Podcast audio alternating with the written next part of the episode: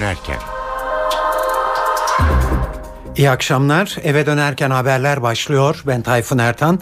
Günün haberleri ve yorumlarıyla 19.30'a kadar sizlerle beraber olacağız bu akşamda. Öne çıkan gelişmelerin özetiyle başlıyoruz. Reyhanlı'da yaşayan Suriyeliler bombalı saldırının ardından yaşanan gerginlikler üzerine ilçeden ayrılmaya ve Suriye'ye dönmeye başladı. Yargıtay Hrant cinayetinin arkasında örgüt bulunduğuna karar verdi ve daha önceki mahkeme kararını bozdu. Başbakan Erdoğan'ın Amerika ziyareti başladı. Erdoğan-Obama görüşmelerinin baş konusu Suriye ve kimyasal silahlar olacak.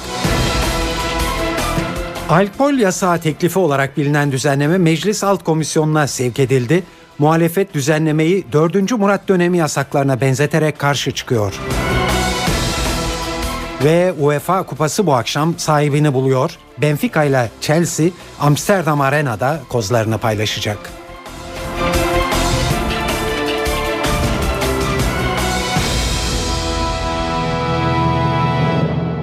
İyi akşamlar. Reyhanlı ile başlıyoruz. 51 kişinin hayatını kaybettiği patlamalarla ilgili soruşturma devam ediyor. Gözaltına alınan 13 kişiden 8'i bugün Adana Adliyesi'ne sevk edildi. Diğer 5'inin Reyhanlı'daki polis sorgusu halen devam ediyor. Şimdi size Reyhanlı'dan çok özel bir izlenim haberi getireceğiz. Biliyorsunuz Suriye'deki çatışmalardan kaçarak Türkiye'ye sığınan on binlerce sığınmacıdan bir kısmı Reyhanlı civarında yaşamlarını sürdürmeye çalışıyor. Bunların sayısının 20-25 bini bulduğu söyleniyor. Geçen hafta sonunda meydana gelen olaydan sonra ilçede havanın gerginleştiği dikkat çekiyor. Reyhanlı'da yaşayan Suriyelilerden bazıları kendilerine yönelik tepkiler karşısında artık Suriye'ye geri dönmeye başladılar.'' Cilve Gözü sınır kapısında işlemlerini yaptıran Suriyeliler burada can güvenliklerinin kalmadığı için ülkelerine dönmek istediklerini söylüyorlar. Şimdi Reyhanlı'ya gidelim ve NTV muhabiri Yağız Şenkal'den ilçedeki havayı bize anlatmasını isteyelim. Patlamanın ardından 4 gün geçti.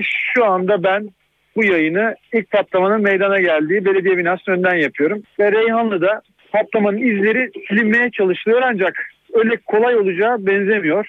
Çünkü burada Reyhanlı sakinleriyle konuştuğumuzda bir gerginliği hissediyoruz. Gerginlikten bahsediyorlar.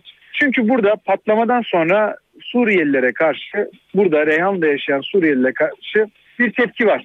Dün ben bir Suriye plakalı aracın taşlarla e, camlarının kırıldığını gördüm. Bugünse e, çok sayıda Suriyeli'ye ait Suriye plakalı aracın üstlerine eşyalar yüklenmiş şekilde, kamyonlar tutulmuş şekilde Cilve Gözü sınır kapısına doğru gittiklerini gördüm. Suriyeliler endişeli. Çünkü sokaklarda Suriyelileri göremiyorsunuz. Çünkü bazı yerlerde kalıyorlar. Evlerinden dışarı çıkmıyorlar. Hatta çok sayıda Suriyelinin büyük binalarda kaldıklarını, bir arada kaldıklarını, aileler 10 aile, 15 aile bir arada kaldıklarını ve dışarıya çıkmadıklarını duyuyoruz. Çünkü burada bir tedirginlik var. Burada yaşayan vatandaşlardan bazıları patlamanın nedeni olarak Suriyelilerin burada olmasını gösteriyorlar. Bu bölgede hem kamplarda kalan hem de pasaportuyla Türkiye'ye girmiş e, aynı bizim gibi burada bir ev tutmuş e, ve da iş yeri açmış Suriyeliler var.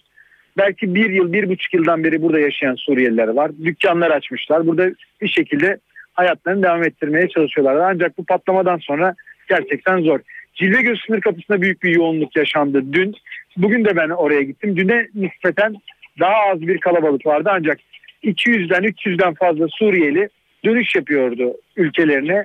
Artık o bölgelerin muhaliflerin eline geçtiğini söylüyorlardı ve daha rahat olacağını söylerlerken bugün yeni bir gelişme yaşandı. Biraz önce ben Cilve Göz sınır kapısındaydım. Bir patlama sesi duyuldu. Suriye tarafında bir patlama oldu.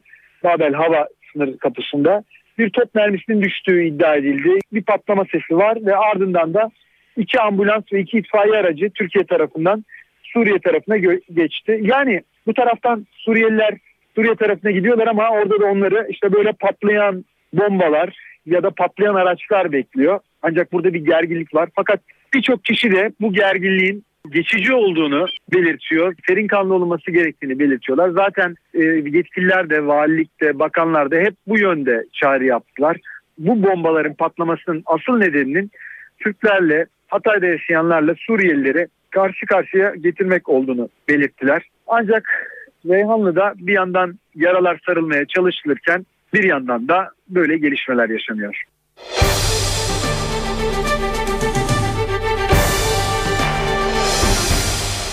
Başbakan Recep Tayyip Erdoğan, Başkan Barack Obama'nın davetlisi olarak Amerika Birleşik Devletleri'nde. Gündem çok yoğun ve görüşmeler yarın başlıyor. Ana gündem maddesi Suriye'deki durum olacak.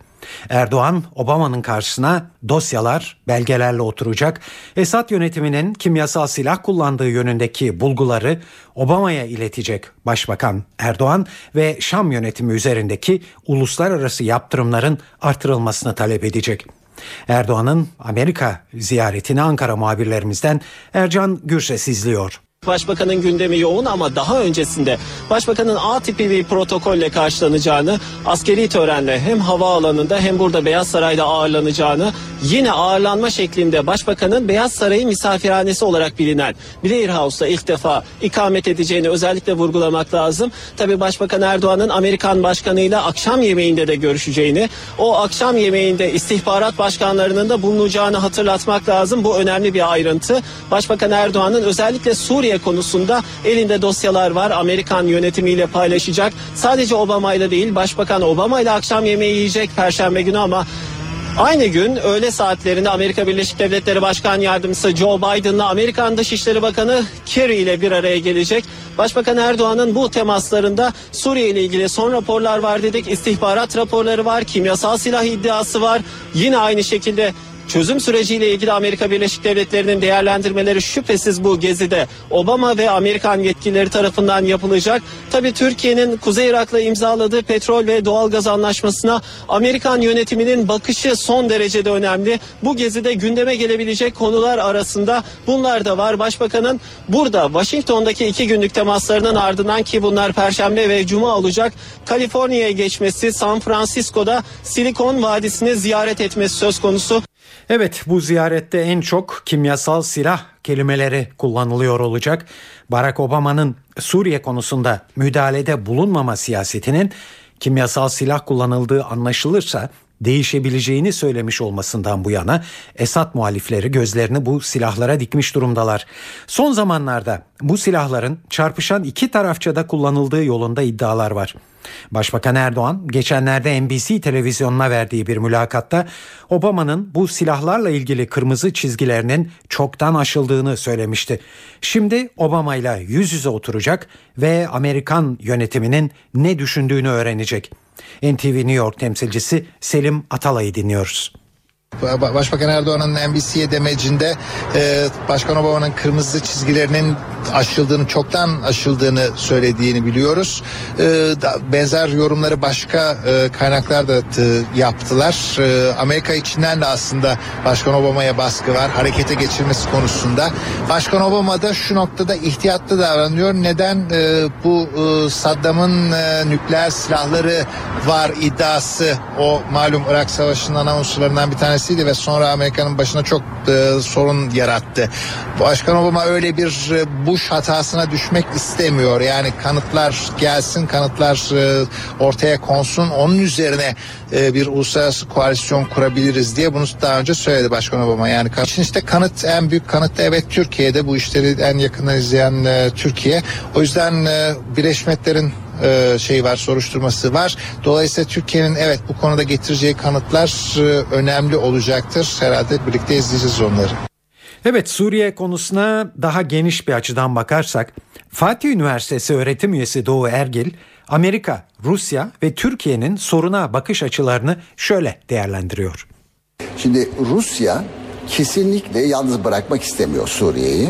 Çünkü Amerika'nın e, Akdeniz'deki ve Orta Doğu'daki gücünü Suriye üzerinden dengeleyebilecek bir konumda işte orada biliyorsunuz Tartus'ta e, limanı var e, yani bir üssü var deniz üssü var ve Pasifik filosunun bir kısmını da Akdeniz'e kaydırmak e, e, durumunda şu anda o, o, o süreç içinde. E, o yüzden e, Suriye'yi bırakmak istemiyor zaten Suriye'yi donattı eğitti. O yüzden Suriye'nin mesela çok kuvvetli bir hava ve e, hava şeyi savunması ve aynı zamanda da şeyleri var. Füze sistemi var. İşte bizim uçağımızda vuran zaten o, o füze sistemidir. Şimdi o yüzden e, böyle e, Türkiye'nin tek başına oraya müdahale etmesi, kalıcı sonuçlar doğurması e, hem e, askeri açıdan mümkün değil. Yani buna kimse izin vermeyecek. Hem de uluslararası konjöktür e, buna müsait değil. Ama Rusya ile Amerika'nın ağırlıkta olduğu bir Cenevre'de toplantı yapılması öngörüldü. Türkiye Esad muhakkak gitsin diyor. Şimdi Esad muhakkak gitsin demek e, biz buradaki rejimin devrilmesini istiyoruz demek. Şimdi e, böyle olunca e, Cenevre'deki tartışma konusu bu olmayacak. Muhaliflerle Esad'ın bir araya gelmesi veya Esad yönetiminin bir araya gelmesi ve işte bu iç çalkantının ve tabii onunla birlikte gelen karşılıklı katliamın yani bir de o var. Yani mesela son ipuçları muhalefetin de eline geçen kimyasal silahları kullandığına ilişkin ciddi söylentiler var. O yüzden durum çok karışık. Türkiye çok net bir pozisyon aldı.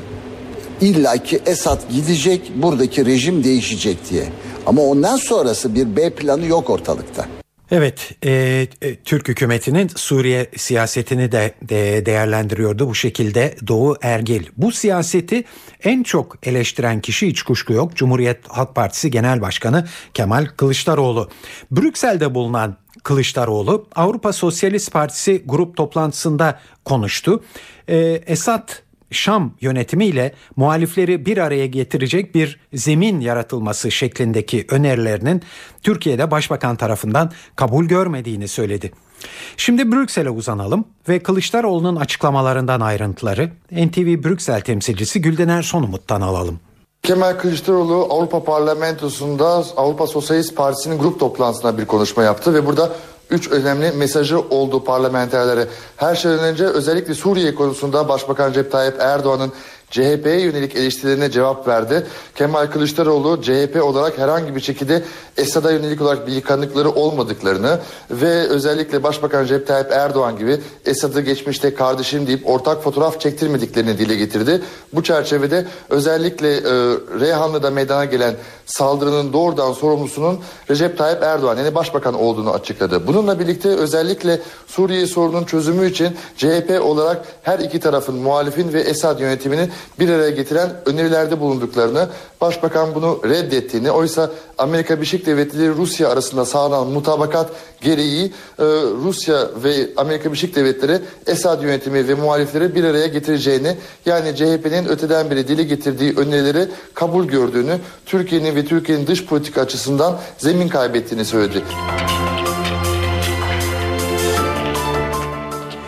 Hrant Dink cinayetinde Yargıtay kararını verdi ve daha önceki mahkeme kararını bozdu. Daha önceki mahkeme kararında davanın ne savcısı ne de hakimi aslında memnun olmuştu karardan. Cumhurbaşkanı Abdullah Gül de cinayetin arkasında örgüt bulunmadığı kararının kamuoyunun vicdanını zedelediğini ifade etmişti. Şimdi Yargıtay 9. Ceza Dairesi mahkeme kararını bozdu ve cinayetin arkasında örgüt var dedi. Ancak bazı hukukçular Yargıtay'ın terör örgütü dememesinin hukuki sonuçlarından kaygı duyuyorlar. Önce sonucu dinleyelim. Ankara muhabirlerimizden Özden Erkuş anlatıyor. Dink cinayetine ilişkin Yargıtay kritik kararını verdi. Yargıtay örgüt var ama bu örgüt terör örgütü değil suç örgütü yönünde bir karar aldı. Ee, kararın alındığı oturuma taraflar katılmadı ve bu karar oy birliğiyle alındı. Ee, oy birliğiyle alınan e, karar doğrultusunda sanıklardan Ersin Yolcu'nun kasten adam öldürmeye yardımcı olduğu suçunun onanmasına karar verildi. Ancak silahlı terör örgütü üyesi olma suçunun bozulması kararlaştırıldı. Bir başka sanık Yasin Hayal'in ise kasten adam öldürmeye azmettirme ve Orhan Pamuk tehdit suçlarından mahkumiyetinin onanması kararlaştırıldı. Yine dikkat çekici bir başka isim Erhan Tuncel'in de mahkumiyet suçunun kararının onanması kararlaştırıldı. Yargıtay 9. Ceza Dairesi tarafından tekrar etmek gerekirse Yargıtay Hrant Dink cinayetinin bir örgüt tarafından işlendiğini ama bu örgütün bir terör örgütü değil suç örgütü olduğuna karar verdi. Şimdi mahkemenin önünde yani 14. Ağır Ceza Mahkemesi'nin önünde iki yol var. İstanbul 14. Ağır Ceza Mahkemesi kendi kararında direnirse Yargıtay Ceza Kurulu'na gidecek dosya. Eğer suç örgütü var kararı verirse sanıklar suç örgütü kurarak cinayeti işlemek ve yardım etmek suçlarıyla cezalandırılacaklar. Özden Erkuş, NTV Radyo, Ankara. Peki kararı Dink ailesinin avukatları nasıl karşıladılar, nasıl değerlendiriyorlar? Avukat Bahri Belen'i dinliyoruz önce. Bu bozma kararı doğru bir karardır. Tabi adam öldürme eylemiyle ilgili olaraktan Yasin Hayal'le ilgili verilen onama kararı da doğrudur. Ee, anlaşılan o ki baştan beri yine e, söylemeye ve anlatmaya çalıştığım gibi böyle bir cinayetin Trabzon ve İstanbul ayağı olan bir cinayetin hatta başka ayakları da olabilir. E, örgütsüz olarak işlenemeyeceğine ilişkin iddialarımız vardı. Burada e, başta Trabzon'da olmak üzere ve İstanbul'da olmak üzere sivil ve askeri e, güvenlik güçlerinin, istihbarat birimlerinin dahi bu olayda e, katkısı olduğunu söylemiştik. Elbette ki o savcılıkta yeni gelişmeler Yargıtay'ın bu bozma kararından sonra mahkemede görülen dosyayla bağlantılandırılabilir. Hem sanık sayısında artma hem de suçun Yargıtay her ne kadar basit bir suç örgütü dese bile hukuki tavsiyesinde değişiklik olan bir karara doğru gelişme olabilir. Dink ailesinin avukatlarından Fethiye Çetin ise Yargıtay kararının silahlı bir suç örgütünden bahsettiğini ama bir terör örgütü saptamasında bulunmadığını vurguluyor. Bu nedenle cinayetin arkasındaki tüm sorumluların yine ortaya çıkartılamayabileceğinden endişe duyuyor. Bu dava terör örgütü e, oldukları e, nitelemesiyle ve isnadıyla suç isnadıyla açılmıştı. Ama şimdi Yargıtay e, kararına baktığımızda bunun bir terör örgütü değil suç işlemek amacıyla bir araya gelen silahlı bir örgüt tarafından işlendiğini e, söylüyor Yargıtay. Ama Hrant Dink cinayetine baktığımızda biz bu cinayetin sadece Hrant Dink cinayetini işlemek üzere Yasin Hayal tarafından kurulup e, yönetilen bir örgüt tarafından işlendiğini söyleyemiyoruz. Hrant Dink cinayetinin kendisi zaten bir anlamda terörle mücadele yasasının birinci maddesinde tanımlanan terör e, amacına son derece uygun e, bir cinayet türü ve bunun bağlantıları vardır ve bunun ta cinayetten öncesinden itibaren planlanmış e, bir organize yapı tarafından işlendiği ortaya çıkmıştır. O yüzden ben bu kararı e, bir anlamda altı buçuk yıl, altı yıl öncesine göre e, daha geri bir karar olarak.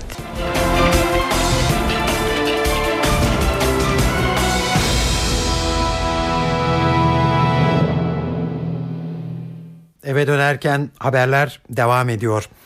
Türk Hava Yolları yönetimiyle toplu iş sözleşmesi görüşmelerinde uzlaşmaya varamayan Hava İş Sendikası aldığı grev kararını bugün uygulamaya başladı. Sendikaya bağlı çalışanlar saat 3'ten itibaren grevdeler. Ancak seferlerde bir aksama yok. Ayrıntıları NTV muhabiri Can Ertun'a anlatıyor. Masa başında Seferler aksamamış gibi gözüküyor. Peki bunun sebebi ne? Türk Hava Yolları yönetiminin ve Hava İş Sendikası yönetiminin farklı açıklamaları var bu çerçevede. Sabahın ilk saatlerinden itibaren Türk Hava Yolları yönetimi basını düzenli olarak bilgilendirerek sırasıyla uçak kabin personellerinin pilotların görev başında olduğunu, yer personellerinin teknik personellerinin tam kadro işbaşı yaptığını ve greve rağbet edilmediğini açıkladı. Ancak Hava İş Sendikası'nın bu konudaki yaklaşımı ve açıklamaları farklı. Öncelikle eksik personelle uçuş yapıldığını, olması gerekenden daha az sayıda personel olduğunu söyledi Hava İş Genel Başkanı Atilay Ayçin. Aynı zamanda bunun uçuş emniyetini olumsuz yönde etkilediğini edildiğini belirtti. Part-time yani yarı zamanlı personeller kurslarını dahi bitirmeden bugün için görevlendirilmiş, üniforma giydirilmiştir onlara. Dolayısıyla bu uçuş emniyetini etkilemektedir ve Sivil Havacılık Genel Müdürlüğü bu uçuşları incelemeli ve gerekenleri yapmalıdır şeklinde bir çağrısı oldu. Çok kısaca bu güne neden gelindi, neden grev yapılıyor ondan bahsedelim. Hatırlanacağı üzere 29 Mayıs 2012'de yaklaşık bir sene önce iş yavaşlatma kararı almıştı Hava İş Sendikası. Hava İş Sendikası Türk Hava Yolları'nda çalışanların büyük bir kısmını temsil etmekte. Hava taşımacılığı sektöründe grev yasağı gelmesini prote- protesto etmişlerdi. Ancak o iş yavaşlatma eylemine katılanlardan 305'i ertesi gün işlerinden atılmışlardı. Ardından mahkemeye gittiler. Bir kısmı işe iade davaları kazandı. Ardından Yargıtay'a gittiler. Hava İş Yönetimi der ki Yargıtay 60'ının işe iadesini onadı. İşte bu çerçevede onların işe geri dönmesi gerekiyor. Ancak Türk Hava Yolları Yönetim Kurulu Başkanı Hamdi Topçu önceki gün NTV ekranlarında yaptığı açıklamada Yargıtay sürecinin tamamının sonlanmasını beklediklerini ve bu sonlanana kadar herhangi bir kişinin işe dönmesinin pazarlık konusu yapılmayacağını söylemişti. Anlaşmazlık da işte bu noktada çıktı ve günler hatta haftalar öncesinden duyurulan grev kararı sabah 3 sularında yürürlüğe kondu. Alkol yasağı teklifi olarak bilinen düzenleme Meclis Alt Komisyonu'na gönderildi. Düzenleme alkollü içkinin reklam, satış ve tüketimine değişiklikler getiriyor. Muhalefet bu düzenlemeyi 4. Murat dönemi yasaklarına benzeterek karşı çıkıyor. Ayrıntıları Ankara muhabirlerimizden Murat Barış Koralp'ten alıyoruz. Alkol ve sigara yasaklarını genişleten yasa teklifi tartışmalarla Meclis Plan Bütçe Komisyonu'ndan daha ayrıntılı bir incelemeye tabi tutulmak üzere alt komisyona sevk edildi. CHP'li komisyon üyeleri 4. Murat yasakları olarak niteledikleri yasa teklifine imza veren AK Partilileri sert bir şekilde eleştirdiler. CHP'liler AK Parti'nin bu yasa teklifiyle toplumu dönüştürmek istediğini söylediler. Karşılıklı ağız dalaşı şeklinde gerçekleşti bu tartışma. Fiziksel bir kavgaya dönüşmeden alt komisyona teklif sevk edildi. Peki bu teklif neler getiriyor? Kısaca ondan da bahsetmekte fayda var. Alkollü içkileri üreten ve pazarlayanlar hiçbir etkinliğe isimlerini, amblemlerini veya ürünlerinin marka ya da işaretlerini kullanarak sponsor olamayacaklar. Alkollü içkiler ancak izin verilen yerlerde satılabilecek. Telefon, televizyon ve internet gibi iletişim araçları aracılığıyla satılamayacak. Kargo yoluyla da gönderilemeyecekler. Bunlar alkole ilişkin yasaklar, sigara ilişkin çarpıcı bir yasak var. Sürücüler araç kullanırlarken sigara içemeyecekler. Ancak şöyle bir e, geçiş süreci eksikliği de vardı yasa teklifinde. E, deposunda, stoğunda üzerinde uyarıcı yazı olmayan alkollü içki şişeleri bulunan pek çok otel, lokanta, üretici bundan milyonlarca liralık zarar edecekti. Bizzat AK Partili milletvekilleri bu geçiş sürecinin e, yasa teklifinin içerisine hem alt komisyonda hem de komisyon esnasında sokulacağını belirttiler. Kısaca ayrıntılar bu şekilde özetlenebilir. Hükümet başta devlet memurları yasasında değişiklikler öngören yeni bir torba yasa tasarısını meclise getirdi. Tasarı 28 Şubat sonrasında memuriyetten atılanların geri dönüşünde kadro sınırını kaldırıyor. Ankara'dan muhabirlerimizden Ahmet Ergen anlatıyor. Kapsamlı bir yasa tasarısı ama öne çıkan notları aktaralım. E, kamuya uzman yardımcısı olarak girişte aranan mezuniyet şartı tüm kurumlar için standart hale getiriliyor ve kamuda uzman olmak için gerekli hizmet süresi 3 yıldan 2 yıla indiriliyor. Burada önemli bir not daha var. Uzman olabilmek için artık tez hazırlama ve yabancı dil şartı kalkıyor. Bunun yanı sıra müdür ve daha üst ünvanlı yönetici kadrolarına atanmak için en az 5 yıl hizmet şartı aranacak. Ek göstergesi 6400 ve üstü olan yani pro, e, de, e, rektör, rektör yardımcısı, dekan ve dekan yardımcısı gibi görevlere artık açıktan atama yapılabilecek. E, Adalet Bakanlığı'nda hakim ve savcılık yapanların e, üst düzey görevlere gelebildiği durumda değişecek. Bundan sonra Adalet Bakanlığı'nda üst düzey yönetici olmak için hakim savcılık yapma şartı aranmayacak. Üniversiteyi yeni bitirenler de ilk görevine hakim ve savcı olarak başlayamayacak. En az 5 yıl kamuda görev yaptıktan sonra hakim ve savcı olunabilecek. Dışişleri Bakanlığı'nda meslek mensubu olmadan büyükelçilik yapanlar büyükelçilik görevlerinin bitmesinin ardından bakanlığa geri dönebilecek ve büyükelçi ünvanıyla çalışmalarını sürdürebilecek. ÖSYM e, yaptığı sınavlarda üniversite öğrencilerini de e, geçici görevde çalıştırabilecek. ÖSYM'nin yaptığı sınavlardaki soru ve yanıtlar yasa yürürlüğe girdikten sonra bilgi edinme yasası kapsamı dışına çıkacak. Bir madde daha var. 28 Şubat 1997 sonrası disiplin cezaları nedeniyle kamudan atılanlar memuriyete geri dönebiliyor. Bu hak verilmişti. Ancak bu yıl bu kadrolar verilirken bütçedeki kadro kısıtı dikkate alınmayacak. Yani bunların tamamı işe girebilecek. Milli Eğitim Bakanı Nabi Avcı 20 Mayıs pazartesi gününün liseler için tatil olacağını açıkladı. Avcı 23 Nisan Ulusal Egemenlik ve Çocuk Bayramı ile 19 Mayıs Atatürk'ü anma ve Gençlik ve Spor Bayramı törenlerine ilişkin düzenlemelerin ardından tatil kararının verildiğini açıkladı. Aynı gün ilk ve ortaokullarda eğitim öğretime devam edilecek. Benzine bu gece yarısından itibaren zam geliyor. İstanbul'da litresi 4 lira 56 kuruş olan 95 oktan kurşunsuz benzinin litresi 6 kuruş artışla 4 lira 65 61 kuruşa yükseliyor. Sektör yetkilileri zamma gerekçe olarak petrol fiyatlarında yaşanan artışı gösterdiler. Geçtiğimiz haftada motorinin litre fiyatına 6 kuruş zam gelmişti.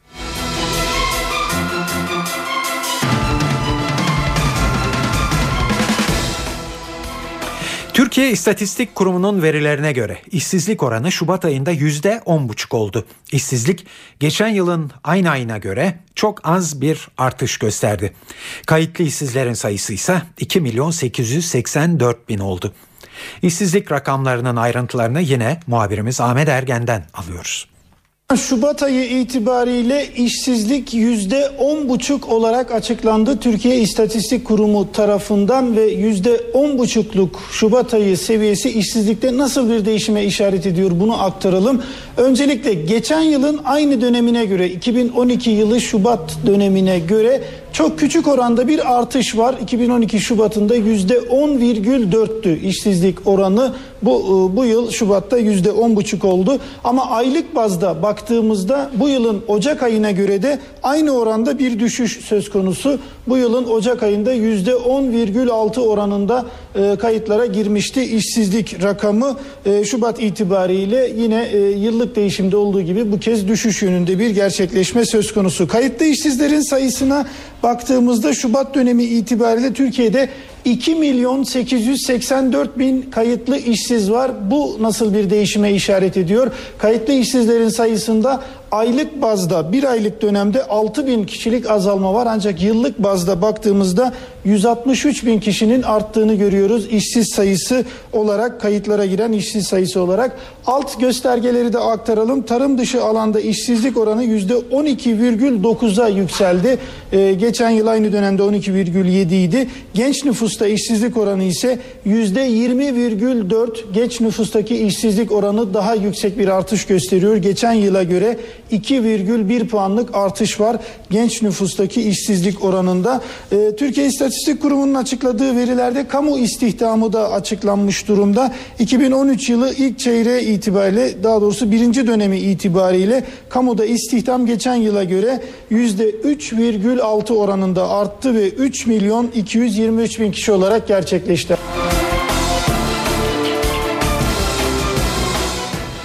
Evet şimdi de para ve sermaye piyasalarında bugün yaşanan gelişmeleri yansıtacağız sizlere. CNBC'den Enis Şener'de mi dinliyoruz? İyi akşamlar. Borsa İstanbul rekorları devam ediyor. BIST 100 endeksi Merkez Bankası'ndan faiz indirimi beklentileri ve not artışı ümitleriyle 92 bin seviyesini aştı ve 92.250 ile yeni tarihi zirvesine ulaştı. Endekste kapanış da %0.90 primle 92.112 seviyesinden gerçekleşti. Analistler yükseliş inmesinin devam ettiğini söylüyor ve düşüşlerin alım fırsatı olarak kullanılabileceğini belirtiyor. Borsa İstanbul'da bahar havası yaşansa da küresel piyasalarda tablo o kadar da iç açıcı değildi. Avrupa'dan gelen zayıf büyüme verilerine öğleden sonra ABD'den gelen kötü sanayi üretimi verisi de eklenince borsalarda satış baskısı belirginleşti. Para piyasalarında ise Euro'nun zayıf seyri devam ediyor. Euro dolar paritesi bugün 1.29'un da altına gerileyerek 1,5 ayın en düşüğünü gördü. Analistler paritede 1.28.30'un önemli destek olduğu vurgusunu yapıyor. Doların yurt dışında değerlenmesi TL'ye de yansıdı ve dolar TL kuru 1.82'ye aştı.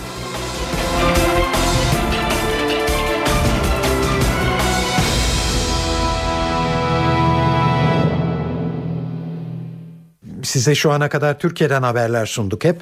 İsterseniz bunları kısaca bir özetleyelim. Sonra da dünyada en çok konuşulan haberlere geçeceğiz. Reyhanlı'da yaşayan Suriyeliler bombalı saldırının ardından yaşanan gerginlikler üzerine ilçeden ayrılmaya ve Suriye'ye dönmeye başladı. Yargıtay Hrant Dink cinayetinin arkasında örgüt bulunduğuna karar verdi ve daha önceki mahkeme kararını bozdu. Başbakan Erdoğan'ın Amerika ziyareti başladı. Erdoğan-Obama görüşmelerinin baş konusu Suriye ve kimyasal silahlar olacak. Alkol yasağı teklifi olarak bilinen düzenleme Meclis Alt Komisyonu'na sevk edildi. Muhalefet düzenlemeyi 4. Murat dönemi yasaklarına benzeterek karşı çıkıyor. Ve UEFA Kupası bu akşam sahibini buluyor. Benfica ile Chelsea Amsterdam Arena'da kozlarını paylaşacak.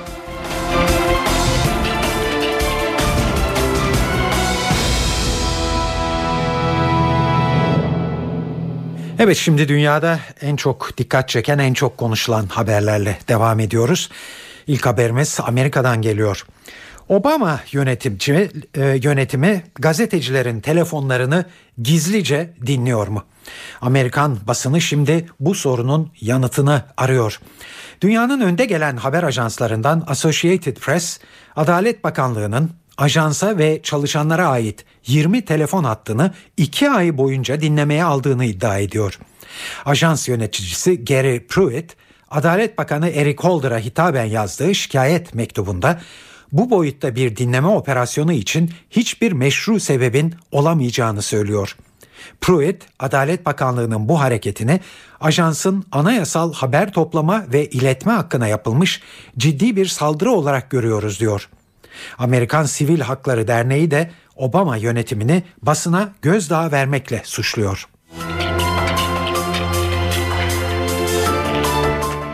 Almanya'da Eylül ayında yapılacak seçimler öncesinde Başbakan Angela Merkel'i üzebilecek bir kitap yayınlandı. Merkel'in İlk Hayatı adlı kitapta Doğu Almanya kökenli başbakanın komünist rejime bilinenden çok daha yakın durduğu tezi ileri sürülüyor. Ülkenin saygın iki gazetecisi tarafından yazılan kitapta Merkel'in bazı komünist devlet kurumlarında görev yaptığı ve Berlin duvarının yıkıldığı dönemde birleşme yerine Doğu Almanya'daki komünizmin reform edilmesinden yana tavır aldığı iddia ediliyor. Kitabın yazarları Merkel'in bu bilgileri şimdiye dek gizli tutmaya çalıştığını ve kitabı hazırlarken kendilerine mülakat vermeyi reddettiğini de öne sürüyorlar. Yazarların en ağır suçlamalarından biri ise Merkel'in iki Almanya'nın birleşmesinden sonra siyaset basamaklarını çok hızlı bir şekilde tırmanarak 15 ay sonra bakan olmasıyla ilgili. İki yazar Merkel'i kollayanlar olduğunu ve Hristiyan Demokrat Parti'de siyasete girerek yükselmesi için gizli destek aldığını söylüyor. Merkel ise dün katıldığı bir toplantıda bu iddialarla ilgili olarak ilk kez bir açıklama yaptı. Öz geçmişini gizlemediğini söyledi Almanya Başbakanı Merkel ve bana kimse bu dönemle ilgili bir soru sormadı ben de anlatmaya gerek görmedim dedi. Yapılan yorumlarda Merkel'in bu sözlerinin tatmin edici olmadığı belirtiliyor ve suçlamaların 22 Eylül'deki seçimlerin sonucunu etkileyebileceği söyleniyor.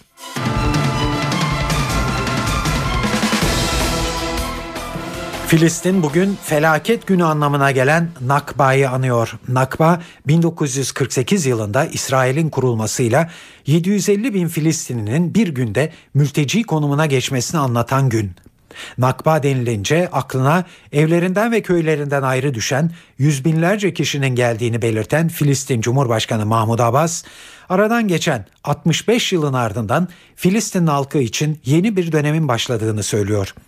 Çözüme açık olduğunu söyleyen Filistin lideri 1967'de başlayan işgalin sona ermesi için iki devlet çözümüne hala sıcak bakıyoruz. Uluslararası yasalara uygun olan kırmızı çizgimiz korunduğu takdirde masaya oturmaya hazırız. Kırmızı çizgimiz ise başkenti Kudüs olan Filistin devletinin kurulmasıdır diye konuştu.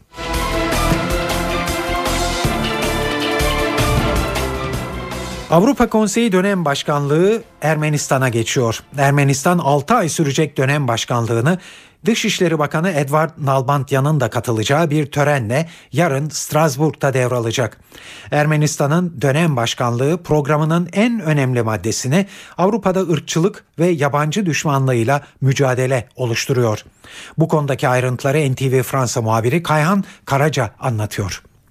Ermenistan tarihinde ilk defa bir Avrupa kurumunun dönem başkanlığını yapmaya hazırlanıyor. Gerçek anlamda çoğulcu bir demokrasiye sahip olmayan Ermenistan, Avrupa genelinde demokrasi, insan hakları ve hukukun üstünlüğünün adresi olarak bilinen Avrupa Konseyi'nin dönem başkanlığını devralacak. Aralarında Türkiye'nin de bulunduğu irili ufaklı 47 Avrupa ülkesini bünyesinde barındıran Avrupa Konseyi'nin dönem başkanlığı yarın Strasbourg'da düzenlenecek bir törenle 6 aylığına Andorra'dan Ermenistan'a geçecek. Devir teslim törenine Ermenistan Dışişleri Bakanı Edward Nalbandyan da katılacak. Ermenistan Azerbaycan'la birlikte 25 Ocak 2001 tarihinde Avrupa Konseyi'ne üye olmuştu. Ancak demokrasisindeki zaaflar nedeniyle yıllardır Avrupa Konseyi Parlamenter Meclisi'nin siyasi denetim sürecinde tutuluyor. Avrupa Konseyi özellikle çoğulcu demokrasi, seçim sistemi ve basın özgürlüğü konularında son yıllarda Ermenistan'ı sistematik biçimde eleştiriyor. Ermenistan'ın üyeliği Dağlık Karabağ sorununu da dolaylı ve doğrudan Avrupa Konseyi gündemine taşımış durumda.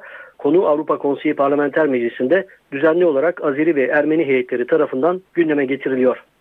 Bir Avrupa Konseyi organı olan Avrupa İnsan Hakları Mahkemesi gündeminde de karara bağlanmayı bekleyen Dağlık Karabağ davaları bulunuyor. Ermenistan yönetimi böyle bir tablo karşısında Avrupa Konseyi dönem başkanlığı için iddialı bir program açıkladı. Erivan'ın dönem başkanlığı programının ana maddelerini Avrupa'da ırkçılık ve yabancı düşmanlığıyla mücadele, insan hakları ve demokrasi alanlarında Avrupa normlarının sağlamlaştırılması ve Avrupa'nın inşasında Avrupa Konseyi'nin rolünün kuvvetlendirilmesi oluşturuyor.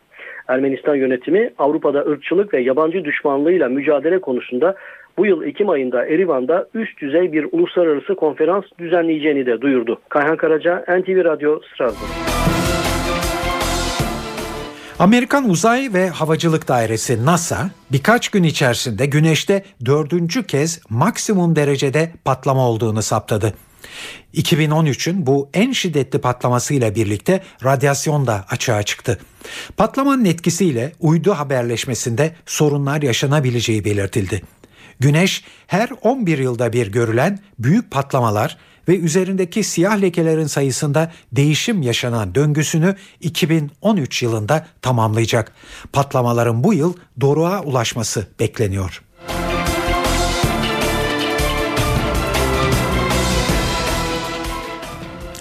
Dünyaca ünlü yazar Dan Brown'un yeni kitabı Cehennem Inferno Türkiye'de dahil olmak üzere 12 ülkede bugün satışa sunuldu.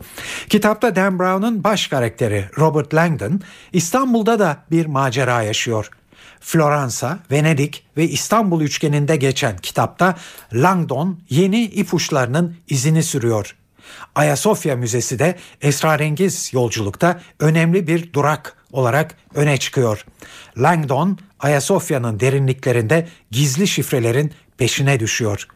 İlk baskısı 4 milyon olacak kitabın okuyucuları karanlık ve gizemli bir dünyaya sürükleyeceği belirtilmekte.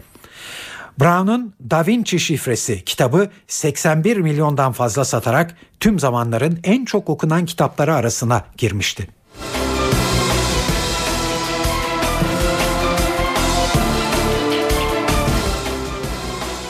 Sinema dünyasının en prestijli organizasyonlarından Cannes Film Festivali bugün başlıyor. Festival Avustralyalı Baz Luhrmann'ın yönettiği ve Leonardo DiCaprio'nun başrolde oynadığı The Great, The Great Gatsby ile açılacak. Bu yıl 66.sı düzenlenecek festivalde toplam 19 film festivalin en büyük ödülü Altın Palmiye için yarışacak. Adaylar arasında Çad, Çin ve İran'dan yönetmenlerin yapımları da var. Roman Polanski, Steven Soderbergh gibi usta yönetmenler de filmleriyle Altın Palmiye için yarışacaklar. Ünlü yapımcı ve yönetmen Steven Spielberg'in başkanlığını yapacağı jüride Oscar ödüllü yönetmen Ang Lee, aktris Nicole Kidman ve aktör Christopher Waltz gibi isimler de bulunuyor. Bu yılki yarışmada Türkiye'den bir film yok. Yönetmen Semih Kaplanoğlu kısa metrajlı filmler yarışmasında jüride yer alıyor. Cannes Film Festivali'nde ödül töreni 26 Mayıs'ta.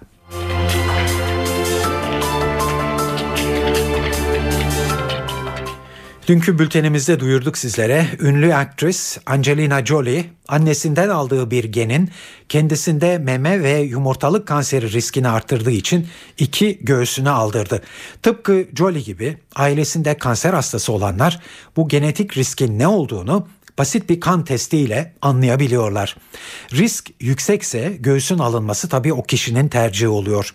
Uzmanlar meme kanseri olasılığını azaltmak için standart taramaların 35 yaşında başlamasını ve yılda bir kez yaptırılmasını tavsiye ediyorlar. Genel cerrahi uzmanı Profesör Doktor Cihan Uras'ı dinliyoruz. Burada henüz gelişmiş veya gelişmekte olan ispatlanmış bir kanser yok. Ancak meme kanseri genleri bulunduğu için yani BRCA1 BRCA geninde bir mutasyon bulunduğu için bu kadınların memelerinde meme kanseri gelişme riski çok yüksek oluyor. Ama bu tabii yaşam boyu bir risk. Eğer ki memesinin içini boşaltmışsanız başka bir tedaviye ihtiyacı yok. Kanser gelişmediği bir dönemden söz ediyoruz tabii ki. Ama bunun dışında bir de ilaçla önlemek de var. Yani bu kadınlara 5 yıl süresinde ilaç vererek meme kanseri gelişme riskini yine belli oranlarda azaltıyoruz. Ama bu ilaçlar da tabii çok masum ilaçlar değil. Bunların da bir takım yan etkileri var.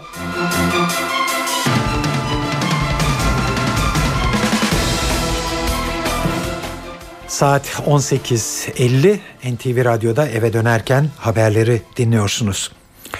Türk futbolu şu sıralar futboldan çok saha içinde kavgalar, ırkçı hareketler ve saha dışında da cinayete kadar uzanan şiddet olaylarıyla gündemde daha çok. Galatasaray'ın fil dişi sahilinden gelen yıldız futbolcusu Emanuel Ebue, Fenerbahçe derbisinin ardından başlayan ırkçılık tartışmalarıyla ilgili bazı açıklamalarda bulundu. NTV Spor'un bu konuyla ilgili sorularını yanıtlayan Ebue bu tarz davranışların Türkiye Ligi'nin imajına zarar verdiğini söyledi. Ben ve takım arkadaşlarım Fenerbahçe ile oynamaya gittiğimizde bu maçta elimizden gelenin en iyisini yapmak istedik. Ama Tanrı başka yönde karar verdi, yenildik. Ben de çok büyük bir hayal kırıklığına uğradım. Bu ligi herkes seyrediyor. Ligin değeri içinde bu tür tezahüratların olmaması gerekiyor. Kimin kazandığı önemli değil.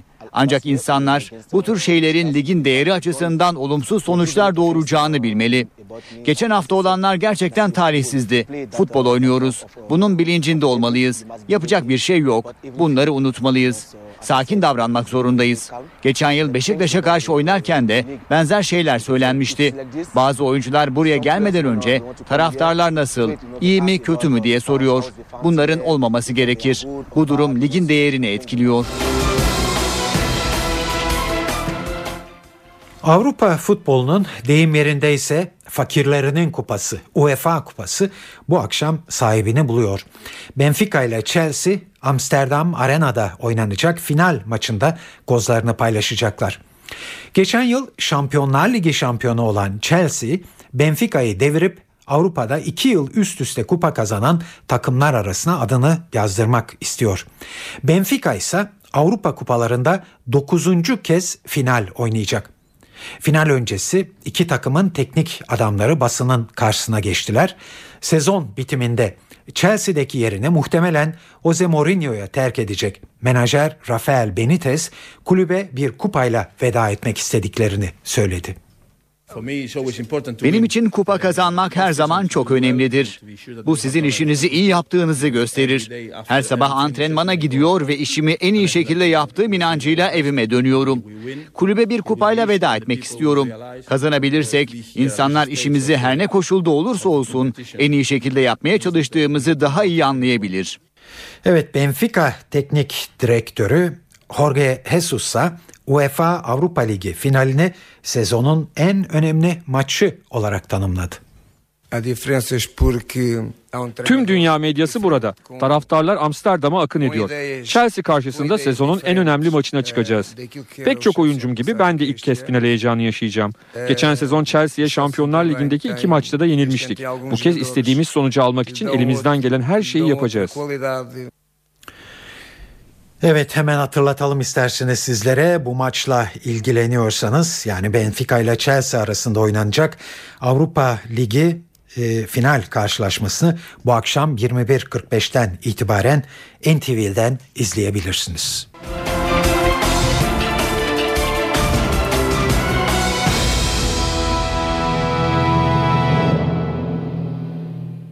NTV Radyo'da eve dönerken haberler günün öne çıkan gelişmelerinin özetiyle başlıyor. Reyhanlı'da yaşayan Suriyeliler bombalı saldırının ardından yaşanan gerginlikler üzerine ilçeden ayrılmaya ve Suriye'ye dönmeye başladılar. Yargıtay Hrant Dink cinayetinin arkasında örgüt bulunduğuna karar verdi ve daha önceki mahkeme kararını bozdu. Başbakan Erdoğan'ın Amerika ziyareti başladı. Erdoğan-Obama görüşmelerinin baş konusu Suriye ve kimyasal silahlar. Ve alkol yasağı teklifi olarak bilinen düzenleme Meclis Alt Komisyonu'na sevk edildi. Muhalefet düzenlemeyi 4. Murat dönemi yasaklarına benzeterek karşı çıkıyor.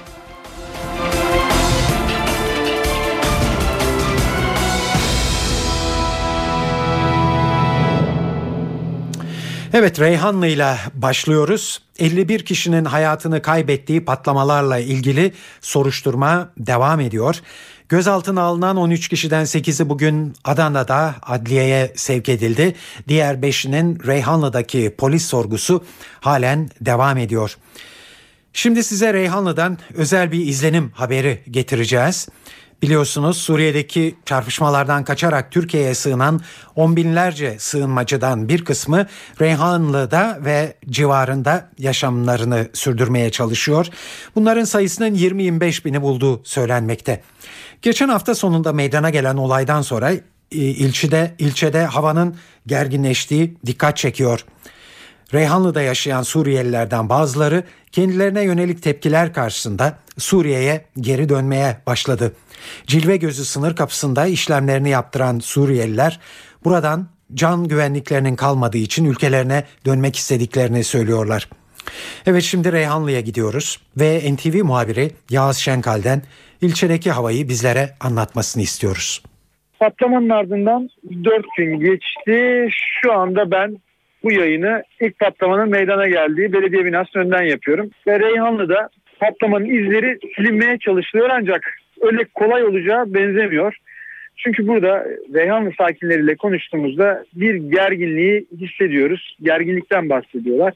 Çünkü burada patlamadan sonra Suriyelilere karşı, burada Reyhanlı'da yaşayan Suriyelilere karşı bir tepki var. Dün ben bir Suriye plakalı aracın taşlarla e, camlarının kırıldığını gördüm.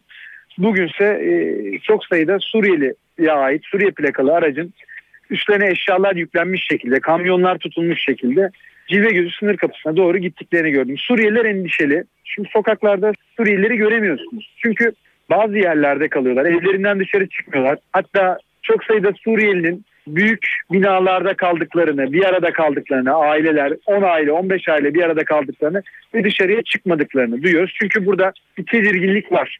Burada yaşayan vatandaşlardan bazıları patlamanın nedeni olarak Suriyelilerin burada olmasını gösteriyorlar. Bu bölgede hem kamplarda kalan hem de pasaportuyla Türkiye'ye girmiş e, aynı bizim gibi burada bir ev tutmuş e, veya iş yeri açmış Suriyeliler var. Belki bir yıl, bir buçuk yıldan beri burada yaşayan Suriyeliler var. Dükkanlar açmışlar. Burada bir şekilde hayatlarını devam ettirmeye çalışıyorlar. Ancak bu patlamadan sonra gerçekten zor. Cilvegöz sınır kapısında büyük bir yoğunluk yaşandı dün. Bugün de ben oraya gittim. Düne nispeten daha az bir kalabalık vardı ancak 200'den 300'den fazla Suriyeli dönüş yapıyordu ülkelerine. Artık o bölgelerin muhaliflerin eline geçtiğini söylüyorlardı ve daha rahat olacağını söylerlerken bugün yeni bir gelişme yaşandı. Biraz önce ben Cilve Göz sınır kapısındaydım. Bir patlama sesi duyuldu. Suriye tarafında bir patlama oldu. Babel hava sınır kapısında bir top mermisinin düştüğü iddia edildi. Bir patlama sesi var ve ardından da iki ambulans ve iki itfaiye aracı Türkiye tarafından Suriye tarafına geçti. Yani bu taraftan Suriyeliler Suriye tarafına gidiyorlar ama orada da onları işte böyle patlayan bombalar ya da patlayan araçlar bekliyor. Ancak burada bir gerginlik var. Fakat birçok kişi de bu gerginliğin geçici olduğunu belirtiyor. Serin kanlı olması gerektiğini belirtiyorlar. Zaten e, yetkililer de, valilik de, bakanlar da hep bu yönde çağrı yaptılar. Bu bombaların patlamasının asıl nedeninin Türklerle, Hatay'da yaşayanlarla Suriyelileri karşı karşıya getirmek olduğunu belirttiler. Ancak Reyhanlı'da bir yandan yaralar sarılmaya çalışılırken bir yandan da böyle gelişmeler yaşanıyor.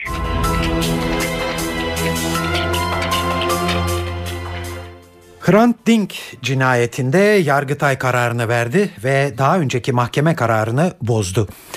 Daha önceki e, kararında e, davanın ne savcısı ne de hakimi memnun olmuştu belki hatırlayacaksınız.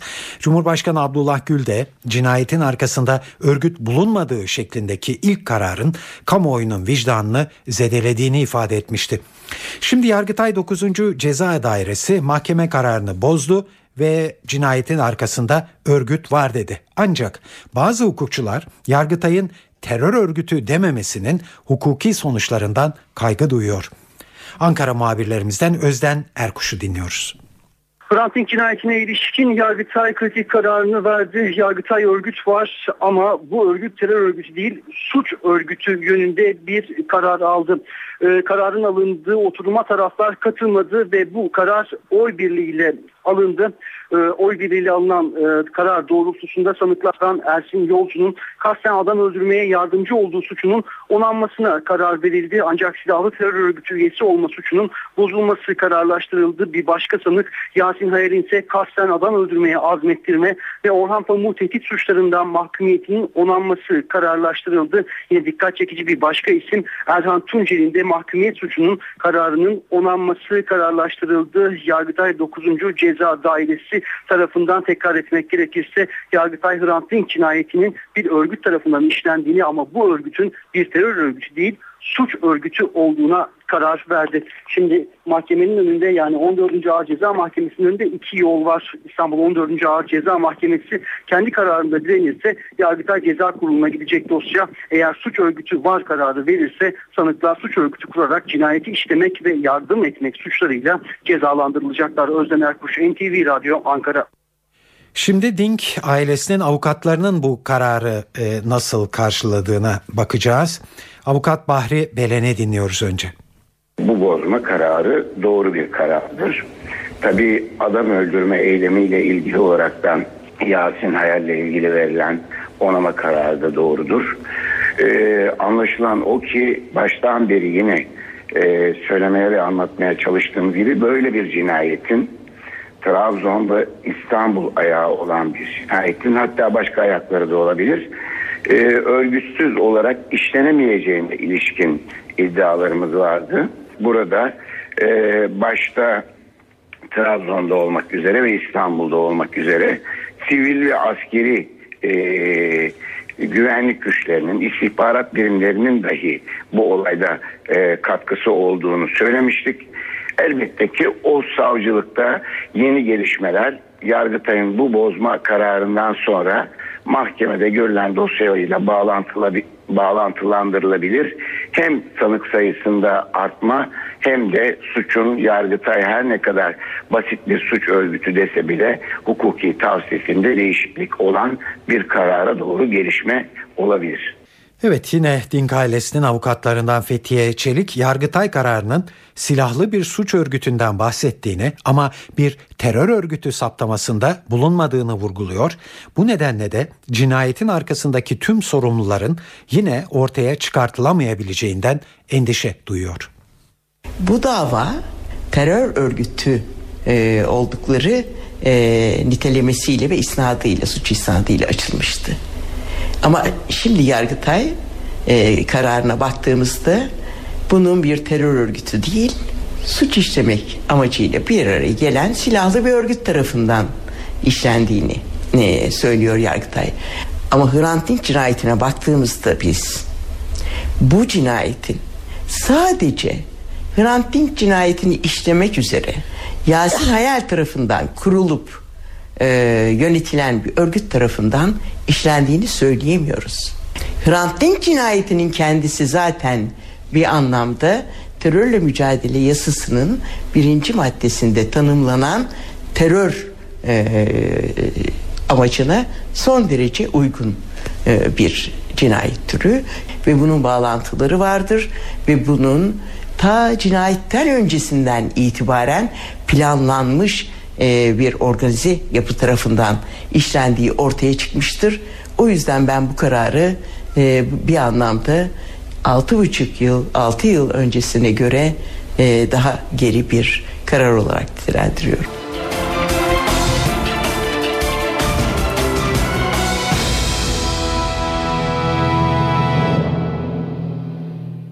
Ankara'dan meclisten bir gelişmeyle devam edeceğiz. Alkol yasağı teklifi olarak bilinen düzenleme Meclis Alt Komisyonu'na sevk edildi. Düzenleme alkollü içkinin reklam, satış ve tüketimine yeni düzenlemeler getirmekte. Muhalefet bunu 4. Murat dönemi yasaklarına benzeterek karşı çıkıyor. Ayrıntıları Murat Barış Koralp anlatıyor. Alkol ve sigara yasaklarını genişleten yasa teklifi tartışmalarla Meclis Plan Bütçe Komisyonu'ndan daha ayrıntılı bir incelemeye tabi tutulmak üzere alt komisyona sevk edildi. CHP'li komisyon üyeleri 4. Murat yasakları olarak niteledikleri yasa teklifine imza veren AK Partilileri sert bir şekilde eleştirdiler. CHP'liler AK Parti'nin bu yasa teklifiyle toplumu dönüştürmek istediğini söylediler. Karşılıklı ağız dalaşı şeklinde gerçekleşti bu tartışma. Fiziksel bir kavgaya dönüşmeden alt komisyona teklif sevk edildi. Peki bu teklif neler getiriyor? Kısaca ondan da bahsedelim bahsetmekte fayda var. Alkollü içkileri üreten ve pazarlayanlar hiçbir etkinliğe isimlerini, amblemlerini veya ürünlerinin marka ya da işaretlerini kullanarak sponsor olamayacaklar. Alkollü içkiler ancak izin verilen yerlerde satılabilecek. Telefon, televizyon ve internet gibi iletişim araçları aracılığıyla satılamayacak. Kargo yoluyla da gönderilemeyecekler. Bunlar alkole ilişkin yasaklar, sigara ilişkin çarpıcı bir yasak var. Sürücüler araç kullanırlarken sigara içemeyecekler. Ancak şöyle bir e, geçiş süreci eksikliği de vardı yasa teklifinde. E, deposunda, stoğunda üzerinde uyarıcı yazı olmayan alkollü içki şişeleri bulunan pek çok otel, lokanta, üretici bundan milyonlarca liralık zarar edecekti. Bizzat AK Partili milletvekilleri bu geçiş sürecinin e, yasa teklifinin içerisine hem alt komisyonda hem de komisyon esnasında sokulacağını belirttiler. Kısaca ayrıntılar bu şekilde özetlenebilir. Türk Hava Yolları yönetimi ile toplu iş sözleşmesi görüşmelerinde uzlaşamayan Hava İş Sendikası grev kararını bugün uygulamaya başladı. Sendikaya bağlı çalışanlar saat 3'ten itibaren grevdeydi. Ancak seferlerde bir aksama olmadı. NTV muhabiri Can Ertuna olay yerindeydi. Masa başında Seferler aksamamış gibi gözüküyor. Peki bunun sebebi ne? Türk Hava Yolları yönetiminin ve Hava İş Sendikası yönetiminin farklı açıklamaları var bu çerçevede.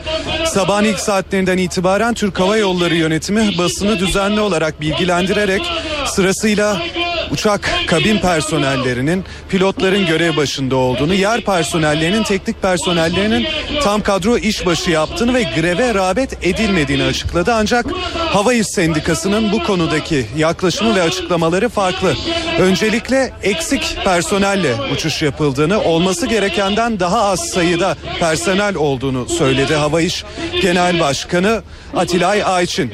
Aynı zamanda bunun uçuş emniyetini olumsuz yönde etkilediğini belirtti. Part-time yani yarı zamanlı personeller kurslarını dahi bitirmeden bugün için görevlendirilmiş, üniforma giydirilmiştir onlara. Dolayısıyla bu uçuş emniyetini etkilemektedir ve Sivil Havacılık Genel Müdürlüğü bu uçuşları incelemeli ve gerekenleri yapmalıdır şeklinde bir çağrısı oldu. Çok kısaca bu güne neden gelindi, neden grev yapılıyor ondan bahsedelim. Hatırlanacağı üzere 29 Mayıs 2012'de yaklaşık bir sene önce iş yavaşlatma kararı almıştı Hava İş Sendikası. Hava İş Sendikası Türk Hava Yolları'nda çalışanların büyük bir kısmını temsil etmekte.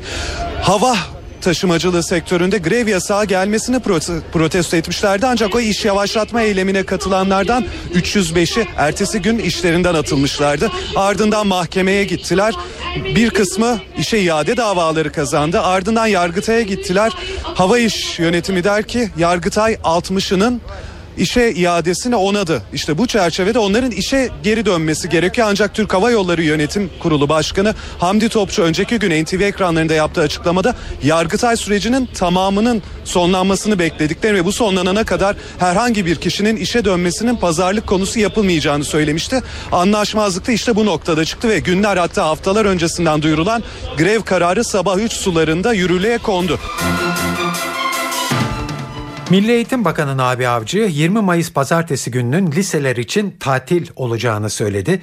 Avcı 23 Nisan Ulusal Egemenlik ve Çocuk Bayramı ile 19 Mayıs Atatürk'ü anma ve Gençlik ve Spor Bayramı törenlerine ilişkin düzenlemelerin ardından tatil kararının verildiğini söyledi. Aynı gün ilk ve ortaokullarda eğitim ve öğretime devam edilecek. Brüksel'de bulunan Cumhuriyet Halk Partisi Genel Başkanı Kemal Kılıçdaroğlu Avrupa'da Sosyalist Partisi grup toplantısında konuştu ve hükümetin Suriye politikasını eleştirdi. Kılıçdaroğlu Esad yönetimiyle muhalifleri bir araya getirecek bir zemin yaratılması şeklindeki önerilerinin başbakan tarafından reddedildiğini söyledi. Kılıçdaroğlu'nun açıklamalarından ayrıntıları NTV Brüksel temsilcisi Güldener Sonumut anlatıyor. Kemal Kılıçdaroğlu Avrupa Parlamentosu'nda Avrupa Sosyalist Partisi'nin grup toplantısında bir konuşma yaptı ve burada üç önemli mesajı oldu parlamenterlere. Her şeyden önce özellikle Suriye konusunda Başbakan Recep Tayyip Erdoğan'ın CHP'ye yönelik eleştirilerine cevap verdi. Kemal Kılıçdaroğlu CHP olarak herhangi bir şekilde Esad'a yönelik olarak bir yıkanıkları olmadıklarını ve özellikle Başbakan Recep Tayyip Erdoğan gibi Esad'ı geçmişte kardeşim deyip ortak fotoğraf çektirmediklerini dile getirdi. Bu çerçevede özellikle e, Reyhanlı'da meydana gelen saldırının doğrudan sorumlusunun Recep Tayyip Erdoğan yani başbakan olduğunu açıkladı. Bununla birlikte özellikle Suriye sorunun çözümü için CHP olarak her iki tarafın muhalifin ve Esad yönetiminin bir araya getiren önerilerde bulunduklarını, başbakan bunu reddettiğini, oysa Amerika Birleşik Devletleri Rusya arasında sağlanan mutabakat gereği e, Rusya ve Amerika Birleşik Devletleri Esad yönetimi ve muhalifleri bir araya getireceğini, yani CHP'nin öteden beri dile getirdiği önerileri kabul gördüğünü, Türkiye'nin ve Türkiye'nin dış politika açısından zemin kaybettiğini söyledi. Evet hükümetin Suriye politikası ile ilgili olarak bugün Ankara'da ODTÜ ve SBF öğrencilerinin gösterisi yer yer sokaklara taştı. Polis göstericileri dağıtmak için göz yaşartıcı gaz kullandı. Avrupa futbolunun deyim yerindeyse fakirlerinin kupası UEFA kupası bu akşam sahibini buluyor. Benfica ile Chelsea Amsterdam Arena'da oynanacak final maçında kozlarını paylaşacaklar. Hemen hatırlatalım. Benfica ile Chelsea arasındaki bu maç Avrupa Ligi final karşılaşması bu akşam 21.45'ten itibaren NTV'de.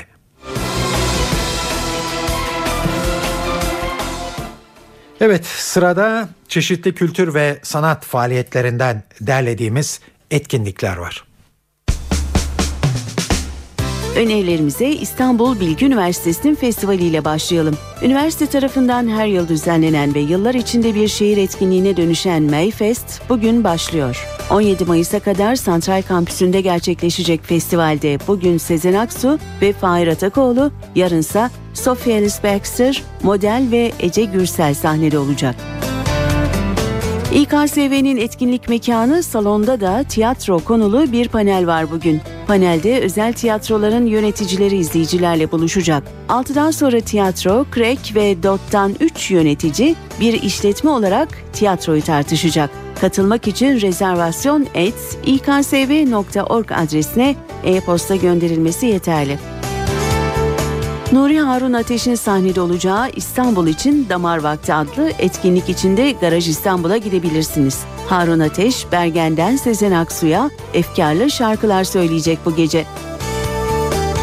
Diyarbakır'da da kitap fuarı var. Dün başlayan 4. kitap fuarına 150 yayın evi ve sivil toplum kuruluşu katılıyor. Fuar kapsamında tiyatro kumpanyası, edebiyatın usta isimlerinden Ahmet Arif'in şiirlerinden oluşan Hasretimden Prangalar Eskittim adlı oyunu sahneleyecek bugün. Oyun ilk kez Diyarbakırlı seyirciyle buluşuyor. Oyunculuğu ve yönetmenliğini Kemal Kocatürk'ün üstlendiği oyun Diyarbakır Şehir Tiyatrosu'nda ücretsiz izlenebilir. Kitap fuarı bu yıl Surdibi fotoğraf sergisine de ev sahipliği yapıyor. Fotoğraf sanatçısı ve şair Mehmet Özer'in Diyarbakır Sur Belediyesi ile birlikte toplumcu gerçekçi belgesel fotoğraf atölyesinin 2012 yılında Sur içinde yaptığı çalışmalardan oluşan sergi Diyarbakır'ın dünden bugüne öyküsünü anlatıyor. Girişin ücretsiz olduğu fuar 19 Mayıs'a kadar sürecek.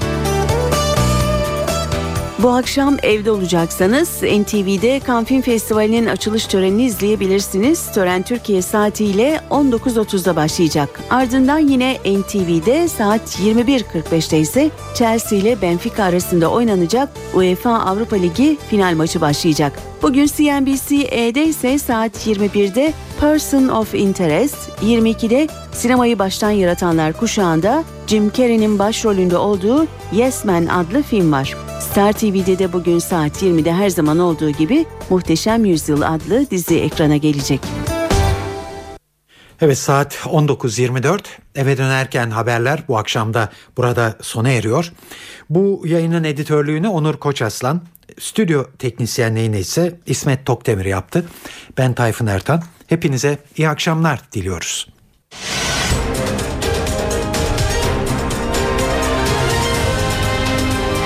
NTV Radyo, Türkiye'nin haber radyosu.